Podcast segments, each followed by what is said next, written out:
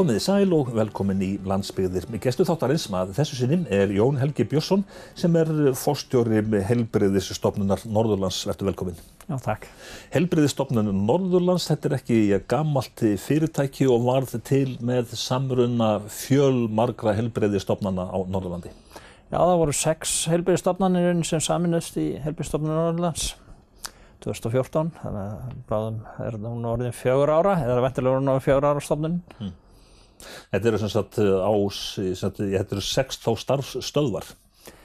Já, þetta eru einni starfsvæði nær bara frá Blöndósi að Þórsöfn og uh, það eru reyndar held ég 17 starfstöðar mm. uh, hjá okkur. Mm.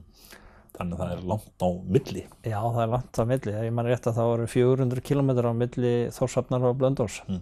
Fórstjórun sjálfur, hvar situr hann með sína svona aðal skrifstofu? Já, í rauninni er nú skrifstofan mér bara það sem tölvan er í sambandi hvert sinn, sko. En ja, ég er nú oftast á húsæðika því það uh, liggur lags, næst lagsamýri þar sem ég bý. Mm. En þetta eru sem sagt um, fjögur ár síðan sagt, samrunin varð. Sem, þessu var, ég við það mótmælt, heimamenn mótmælt mótmæltu við það kröttulega. Já, já, já, þetta var ekki vinsal aðgerð þegar hún var gerð.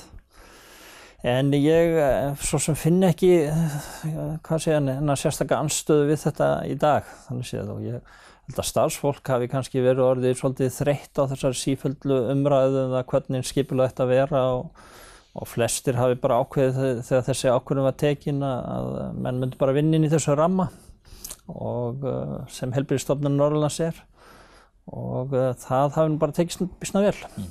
En þetta fyrirtækið sjálft ef við uh, kallum þetta bara hreinlega fyrirtæki, hversu stórt er þetta þá í mannabla og veldu og svona? Þetta er í rauninni fjórða stærsta heilbyrjastofnun landsins og uh, ef ég mann rétt að þá erum við velduð um 5,6 miljardum og það eru 533 starfsmenn síðast þegar þessi mm. og þannig þetta er mjög öflugstofnun. Mm og upptöku svæðið sagt, þetta eru þá ég einhvers vegar á bílinu 30-40 þúsund manns sem að þið þjónið. Já, það eru 35.000 íbúar á þessu svæði sem við erum að þjónusta og svo koma náttúrulega ferðamenn því til viðbóta og nemar sem, sem eru við nám.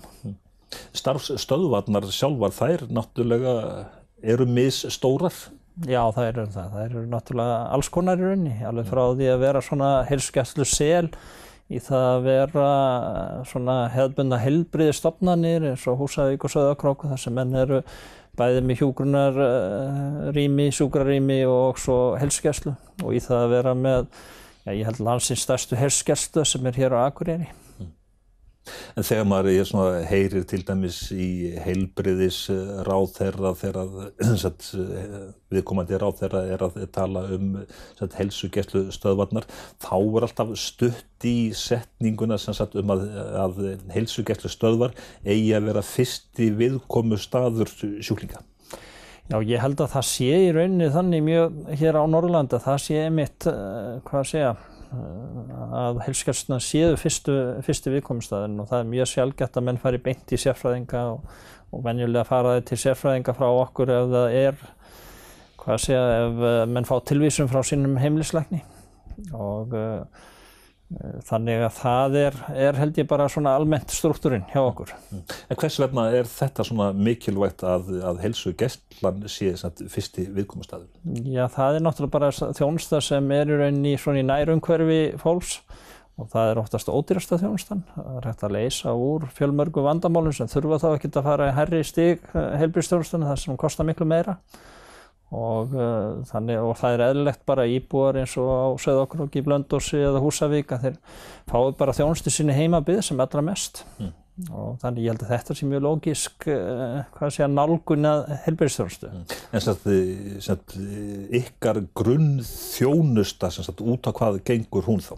Þetta er nú bara svona almenn heilsugjastlu þjónustöð á heilsugjaststöðum, svona hefbundin að menn komi til læknis og hjókunarfræðings og maðuravend og og svo heima hjógrun sem er á okkar höndum með öllu starfsvæðinu. Mm. Þannig þetta er svona þessi grunn þjónusta, mm. fyrstastygs þjónusta. Mm. En þeir sem að koma á heilberiðis stofnanir þekkja margir hverjir flestir byðsalinn og er byðræðir sem að, sem að ofta tíðum myndast.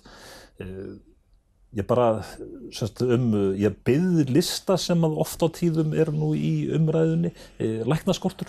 Já, í rauninni er það vandamál að við höfum lendi á einstakar stöðum auðvitað tímbundum málum varandi í lækna, já, skorta læknum sem veldur bygglistum en mestu vandamál hafi í rauninni verið hér á Akureyri þar sem við höfum verið undirmannaður að læknum og höfum þar að leiðandi ekki náða að að afkasta því sem við vildum varðandi læknstjónustu mm. og höfum svo sem verið að reyna að, að þá byggja bara þjónustu eins og hjúgrunna móttöku til að, að reyna að vega þar á móti en uh, þannig að þetta er klálega vandamál sem við glýmum við. Hvað vandaði marga lækna núna þessi starfa? Það er þannig að það er kannski 13% okkur læknum eh, utan svæði sem eru verktakar sem við vildum gætna vera með launamenn og svo vantar hér í rauninni 5 fasta lækna á Akureyri til við bóta við þá 10 fyrstu heimilslækna sem við höfum þar. Mm-hmm. Það já, hefur verið í umræðunni að, að leysa þennan vanda að einhver leiti myndakosti með landsbyggðarlækningum eða hvað? Já, ég held að það sé klálega einn leið til þess að sérstaklega varðandi dreifbílið að, að, að það getur verið leið til þess að fá menn til þess að koma til starfi í dreifbílið, að fái betri mentun þannig að menn treystir sér betur og takast á við bráðaverkefni. Það er þannig að þú ert læknir í dreifbíli eins og Húsavík eða Þórsöfn eða, eða Kroknum að þá getur lent í alls konar bráðatilfellum sem þú hefði kannski sjúkrási hér sem backup og þannig að það, það er kannski svona ákveðna þjálfum til þess að geta tekist á við slík uh, tilvík og uh, þannig að það getur verið mjög góð leið til þess að atna, komast eða bæta me, úr mönnun.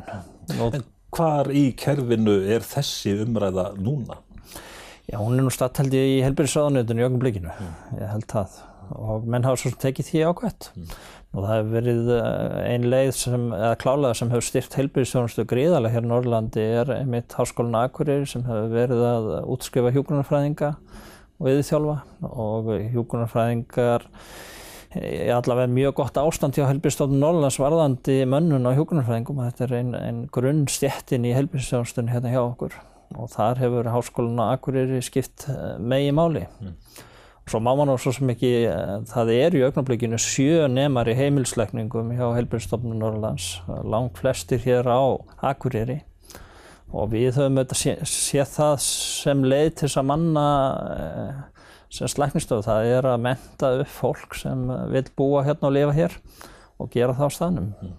En munurinn á starfsaðstæðum eftir, eh, eftir því hvar þú ert, sem sagt, á Kópaskeri, Akureyri eða Blöndósi svo dæmis tekið, það, það er mikill munur. Já, í rauninni þá, þú getur verið annars vegar með á, á ákveðinu stöðu þar sem er mjög mikil vaktabinding og þú ert kannski alltaf því 40-50% bundin á vakt mm. og svo ertu kannski hér á Akureyri þar sem er mjög mikið magna af sjóklingum og þú sér kannski aldrei út úr verkefnanum Þannig að þetta er svona auðvitað fjálbreytt og, og, og í eðli sínu er læknir starf alltaf erfitt. Mm það er bara þannig. Mm. En þú sem sagt sérð fyrir að, að þetta gæti orðið minnst á svona hluti svona, að lausninni að, að, að landsbyðalækningar það er verðu eldar? Já það er klálega hluti og svo það líka auðvitað bara taka til til þessi kjærasamningum líka að menn eru fjari hvað sé að þjónustu þá fá menn umbunað fyrir það.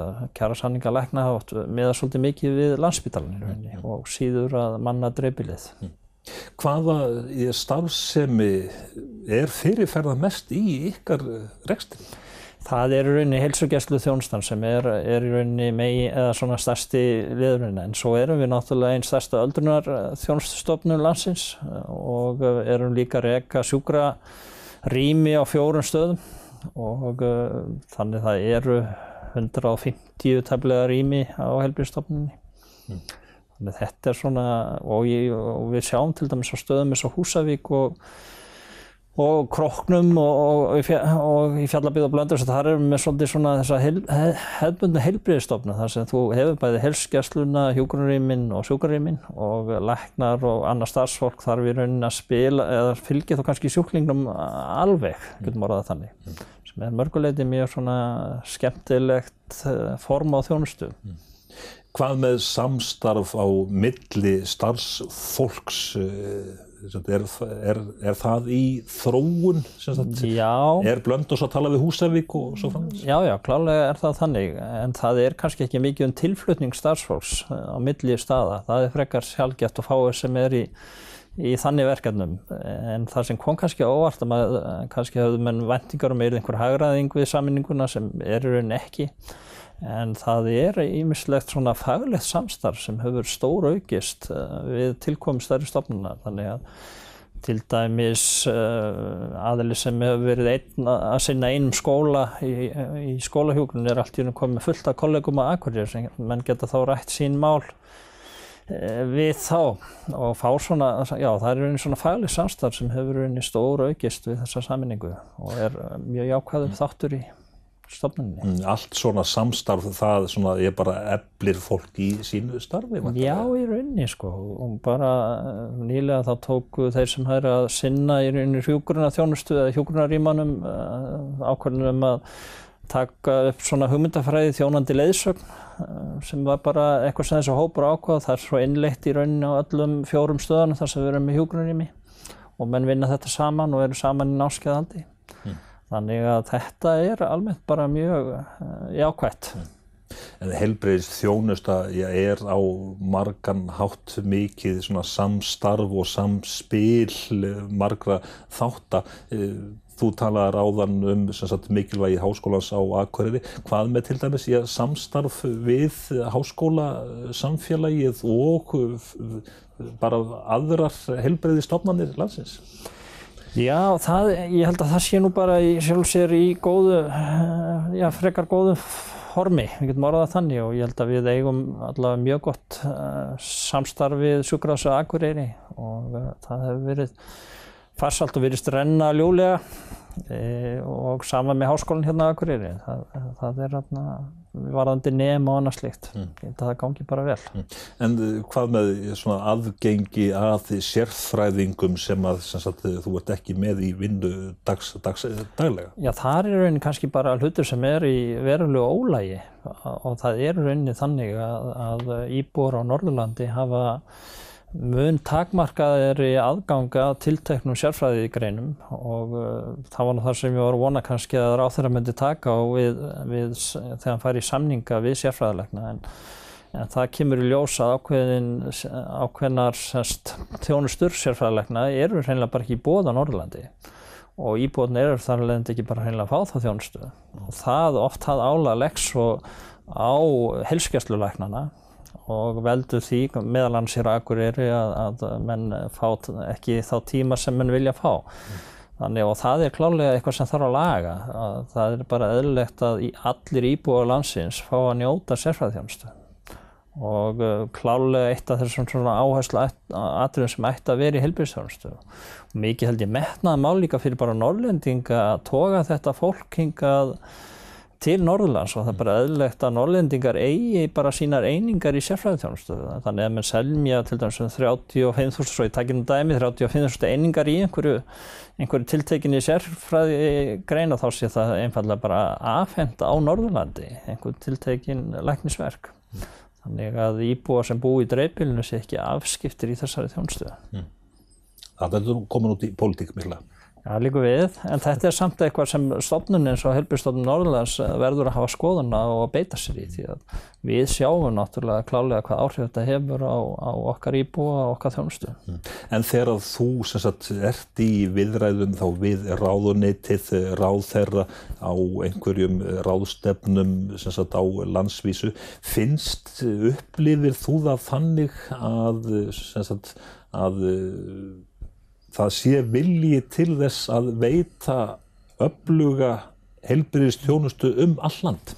Já, ég upplifa það að sé vilji til þess og svo er bara spurning hvort að menna á því framvarandi fjármunni en ég held að það sé almennu skilningur á því að, að þjónusta sé veitt sem næst í bónum. Mm. Þannig ég get ekki kvartaði því. Mm. Þannig að þetta er ekki bara í orði en ekki að borði? Nei, ég held að það sé raunverulega viljið til þess. Sko. En, en auðvitað erum við stundum óana með það fjármæk sem við fáum. Og þá möguleika til þess að veita það þjónustu. Hvað með öryggismálinn, hvernig sagt, mæli þið að, sagt, að þið séu að veita öruga og góða þjónustu? Það er náttúrulega þannig að mönnum ber alltaf að skráin eða er einhver atvik semst í þessari þjónustu og þannig er auðvitað farið yfir það okkar hálfu þú veist hvort að er að bera skvartanir eða einhverju uppakomur og mm. uh, Þannig það er nú bísna eh, vel haldið utan á um það. Mm. En hvað með þjónustuna, hvað segir sjúklingurinn? Mæliði, sagt, er ánægju vógin, er hún alltaf skráð öðru hvort? Það hefur náttúrulega vel hutað veikleikanum í rauninni að menn sker ekki reglubunnar þjónustukannanir á, á starfstöðunum. Það var þó í fyrra, þá var eh, tekin eh, vekjar könnun á söðakróki mm. sem var í rauninni kannski svona upphafið að það var á vegu landlækningsembættisins og það var, eh, þar alluðu menn eh, í rauninni að kanna það hvort að svo aðferð sem menn voru beitið þar geti nýst á aðra starfstöðar og uh, þannig að það væri mjög aðskild að gera það árlega í rauninni þess að mm. kanna í rauninni hvernig menn líka þjónustan mm. þannig að uh, það væri, hvað sé ég klálega jákvæmt að bæta því við. Mm. Upplýsingatæknin sem henni fleitir fram og, og svo sem, já það er talað um fjarlækningar Er þetta eitthvað sem að eh, þið eru svona að velta fyrir ykkur eða hafið tekið í gagnið? Já, við erum að rekum gríðarlega, já, ég segja það, það voru mjög miklar breytingar í uppsengatekni hjá okkur við saminninguna. Þannig að fyrstulega búið að samin allt, uh, uppsengakerfi stofnunar, búið að skipta alltaf því öllum tölvum út. Það er verið að taka núna upp livja byrðakerfi, það er búið að því, verið að setja inn livja fyrirmælakerfi. Það stendur til að skanna allar töflur sem fara ofan í sjúklinga þannig að það fá engin eh, töflur sem ekki er búið að votta sig í lægi. Nú við erum með þannig upplýsingakerfi að, að það eru flesti starfsmenn sem verður við tölvu Skype-tengdir þannig að ef ég vil tala við einhvern að blöndósi þá er það bara eitt klikk. Við höldum flesta, mjög marga fundi innanstafnunar í tölvu, semst á Skype. Þannig að þetta er rauninni algjör grundvallar, uh, hvað sé ég, fórsenda fyrir rekstri svona dreifðara stafnunar. Mm. Og, uh, og sama er kannski með fjarlækningarnar að það er svona og við viljum auðvitað veita bara þjónustu helst sem næst íbúanum að þá er, er það klálega framtíðin að með tiltekinn læknisverk eða, hjúkn, eða svona verk, eh, játmjöl sálfræðinga, að mann geti komist í viðtal eh, eða fengi einhver þjónustu í gegnum fjárfundi. Þar hefur samt verið svolítið vandamála þessi búna þarf að vera þannig að hann sé örugur og uh, menn hafa kannski ekki alveg haft þær tekni lausnir en það er hljótt að koma núna bara með næstu hvað segja, uh, mánuðum held ég. Já, eftir þá að tala um að það sé jáfnvel í dag sagt, þannig að það sé hægt að hakka sig inn á samtöl. Já, menn hafi í rauninni ekki kannski vilja nota búnað eins og Skype sem er tiltölulega auðvelt að nota því að það sé hægt á því að menn geti komist inn á það. En satt, já, lækningar þetta er nú á svona, í svona, já, flestum tilvíkum þá er þetta mjög persónulegt. Er fólk tilbúið í það að, að vera með lækning á, á skjám og jável satt sálfræðingin og liggja í sófónum og, og hann brá skjámum? Já, allavega voru svona erlendisjárfæðingar sem ég rætti við frá Kanada sem allavega nefndu það að stundum virkaða betur að fara í gegnum skjá, sérstaklega við yngri kynslunum, en verið vanið því umhverfi og væri kannski bara mótið því að hitta þennan mann sem var að þjónstaðu. Mm. En ég held að það sé mísjönd, en eins og áherslu okkar eru auðvitað á það að menn fáið þjónustu bara á sínu heimasvæði. Mm.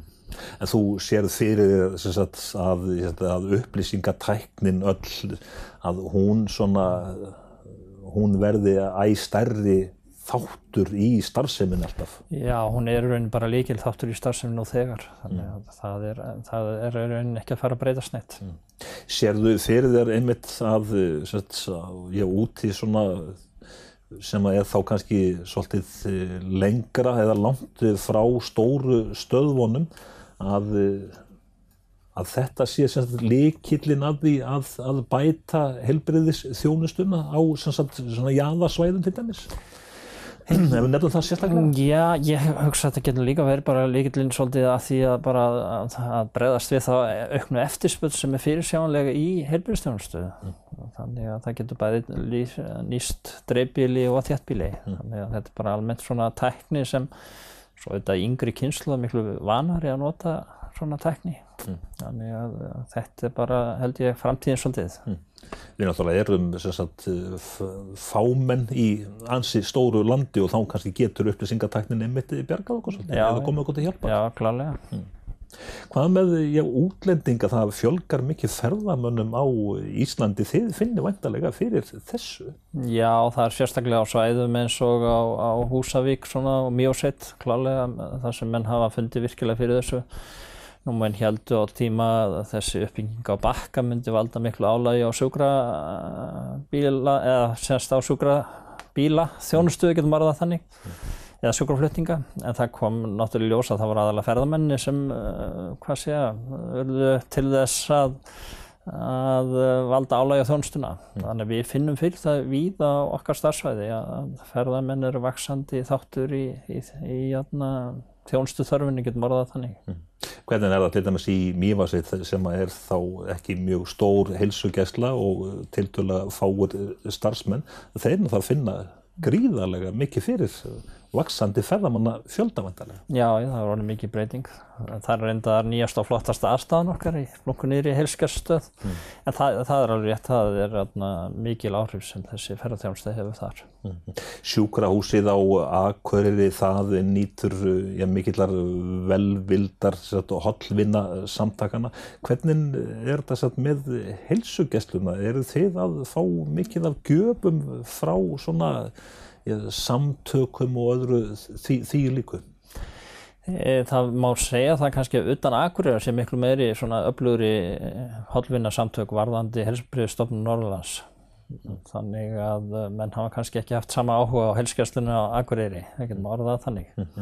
En almennt nýtur stofnunum mjög mikils velvilja í umhverfinu og veitna, stór hlutu öllum okkar tækaköpum er fjármögnuð með gjöfum. Þannig að þar er það vantarlega svona, svona námdinn er meiri á, á minni stöðunum. Ég heldur að almennt sé það bara þannig að svona sjúkrahússtar sem við nýtum meiri, svona, meira spennandi heldur en helskjásla. Er það ekki bara þannig svolítið. En, mm.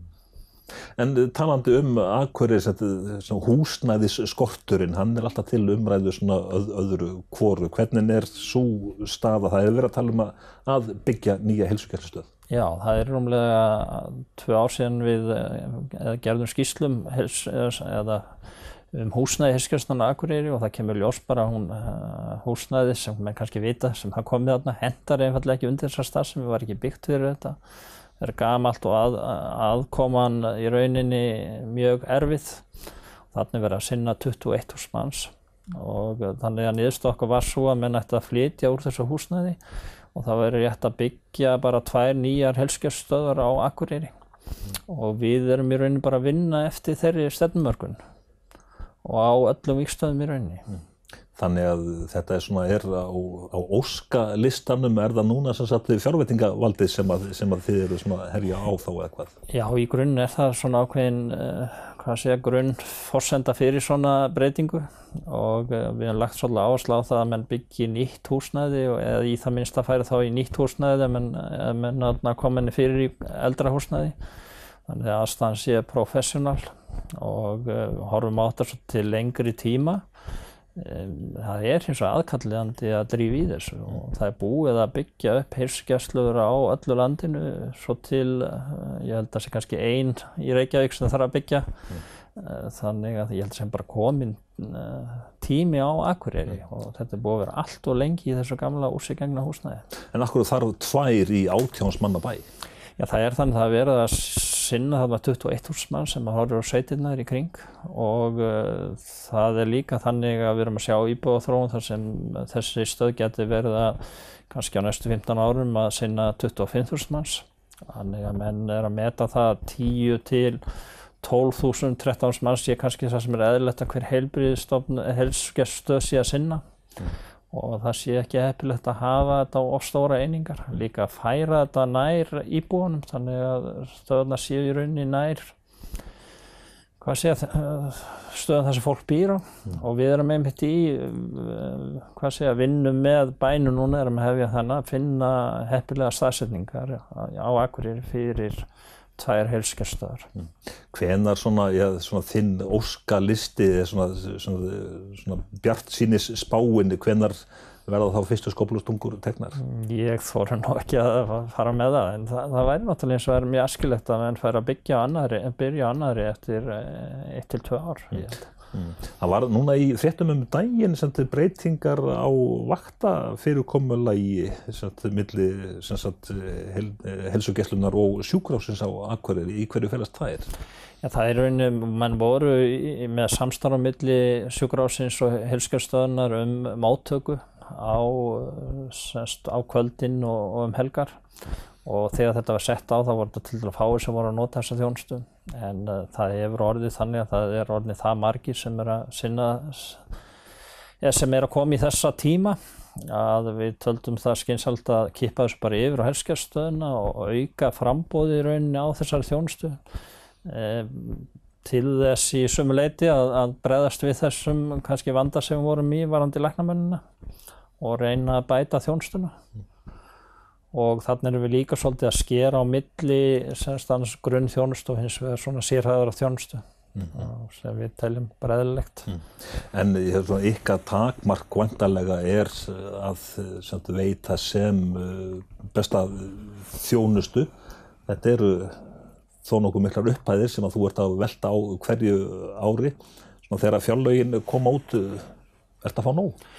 Nei, í rauninu voru þessi fjárlög sem núna, komið núna fram vonbriði. Á sama tíma menn er að auka í rauninni fjárframlega til kervisins þá er heilbyrjastofnun Norðurlands í rauninni ekki að fá neina aukningu frá síðustu, eða loka fjárlögum síðasta árs sem eru mikil vonbriði og við hafum líka verið með það að voru gerða ákveðin mistök eh, við stopnum stopnuna því leiti að launin á helskjastna akkur eru færð sem annar kostnaður Það komi engar launabætur á þær, þau laun í fjögur ár sem þýtti það að það voru dregna saman fjárveitinga til stofnunnar um 100 miljónir og þetta er eitthvað sem við erum að berjast fyrir að fá leiðritt í þessum fjárlögum og telur nöðsynlegt þess að styrkja fjárhagstofnunnar. Nú það er þó einn ein þáttur í fjárlögunum sem er í ákvæður, það er lagt þarna 650 miljónir til aukina geðþjónustu og, og við höfum mikla uh, vilja til þess að koma upp uh, geð, uh, hvað segja, teimi hér á, geðþjónustu teimi hér á Norðurlandi sem er svona kannski annarstíks þjónusta og erum að sækja um það til ráðinsins og fá fjármögnum til þess. Ég held að það getur reyndar, svona ef maður talar um tækifærinni í fjárlega frumfyrir, þá er það klálega þar. Þannig að þú sérðu áframhaldandi uppbyggingu fyrir þér? Já, ég raunir sko og þetta er bara bísna öflug stofnun. Jón Helgi Björnsson, fórstjóri helbriði stofnunar Norrlands, þakka þér fyrir komina og spjallið. Já, takk hjá það.